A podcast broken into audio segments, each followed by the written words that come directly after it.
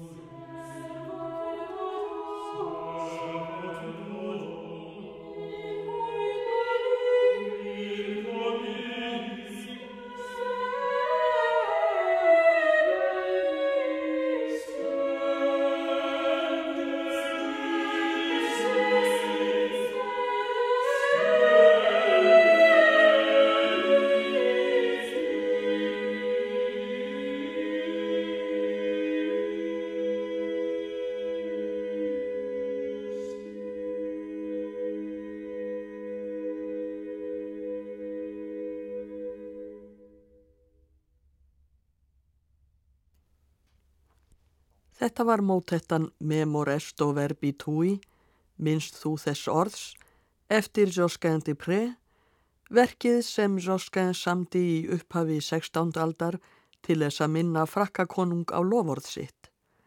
Það var sveitinn Oxford Camerata sem söng en Jeremy Summerlee stjórnaði.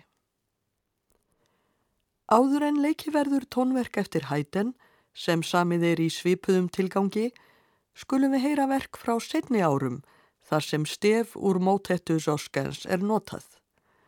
Þetta eru fjórir duettar fyrir klarinettu og piano sem Mark Stimson klarinettuleikari pantaði hjá breska tónskáldinu Edmund Finnis árið 2012. Finnis er fættur 1984 Hann er kennari við konunglegu tónlistarakademíuna í Lundunum og hefur samið tónverk af ímsu tægi. Meðal annars má geta þess að tónlist eftir hann er flutti í íslensku kvikmyndinni Kvítur kvítur dagur.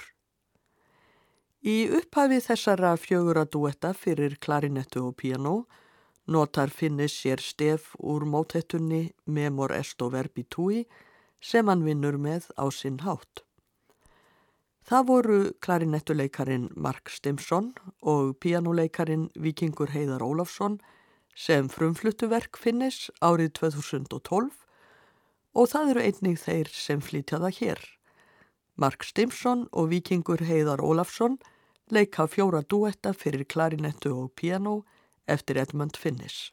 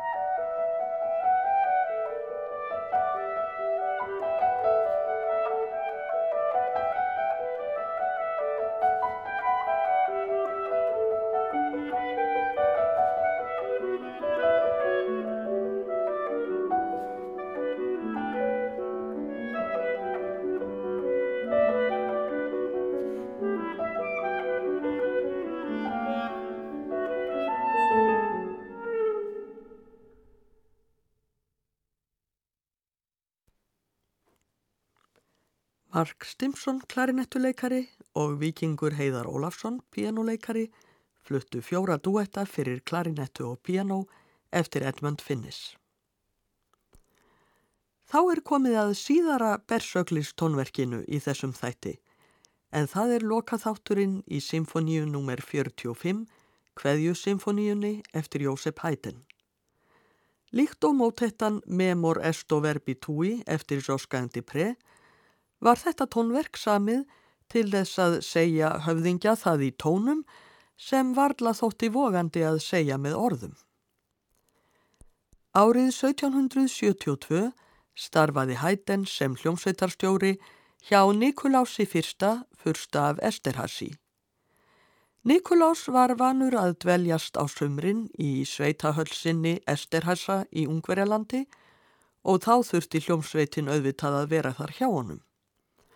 Hljóðfæralekararnir voru ekki eins ánæðir með þessa sumardvöl og fyrstinn því þeir þurftu að skilja eiginkonur sínar og fjölskyldur eftir í borginni Eisenstadt og heil dagleið var á milli. Í þetta skipti dvaldist fyrstinn óvenju lengi í Esterhasa og sínd ekki á sér neitt fararsnið. Hljóðfæralekararnir voru farnir að ókyrrast verulega og báðu hljómsveitarstjóran, Hæten, að gefa fyrstanum einhvern veginn til kynna að þeir vildu fara að halda aftur til Eisenstadt. Hæten samti þá 4050 symfoníu sína og tóntegundin, Físmól, sagði undir eins til um það að hér væri um óveinulegt tónverk að ræða. Físmól var svo sjaldgæf tóntegund fyrir symfoníu að ekki er vitað um neina aðra átjándaldar symfoníu í físmól. Þegar verkið var leikið fyrir fyrstan, fór samt allt eðlilega fram, þar til komið var nokkuð fram í síðasta þáttin. Þátturinn hafði verið hraður í upphafi, enda venja að hafa lokað þætti hraða, en nú breytist tónlistin og varð hæg. Og allt í einu hættu fyrsti óbóleikari og annar hortleikari að spila, þeir slögtu á kertunum við nótnastanda sína og gengu út. Eftir stuttan tíma gerði fagotleikarin það sama, svo annar óbóleikari og fyrsti hortleikari. Nú voru aðeins strengjaleikaratnir eftir, en brátt fór þeim einnig að fækka, Hver hljóðfæra leikarin eftir annan slökti á kerti sínu og gekk út. Að lokum voru aðeins tveir fiðluleikarar eftir í salnum, Hæden sjálfur og konsertmeistarin Tomasini. Þeir spiluðu síðustu taktana af symfoníunni, hægt og dapurlega eins og þeir nefndu þessu valla. Fyrstinn skildi hvað Hæden var að gefa í skinn og líkt og hjá Zoskandi Pre hafði þessi áminning í tónum sín áhrif. Dægin eftir helt fyrstinn aftur til Æsenstadt á samt hljómsveitinni og öllu föruneyti. En vegna þessa hefur symfónían verið kalluð Kveðjusinfónían. Við hlýðum nú á lokaþátt symfóníu nr. 45 í Físmól, Kveðjusinfóníunar eftir Jósef Hæten. Glögt má heyra hvernig hljóðfærunum fækkar smám saman þar til aðeins tveir fyluleikarar eru eftir. Það er austur ungverska hæten hljómsveitin sem leikur, stjórnandi er Adam Fischer.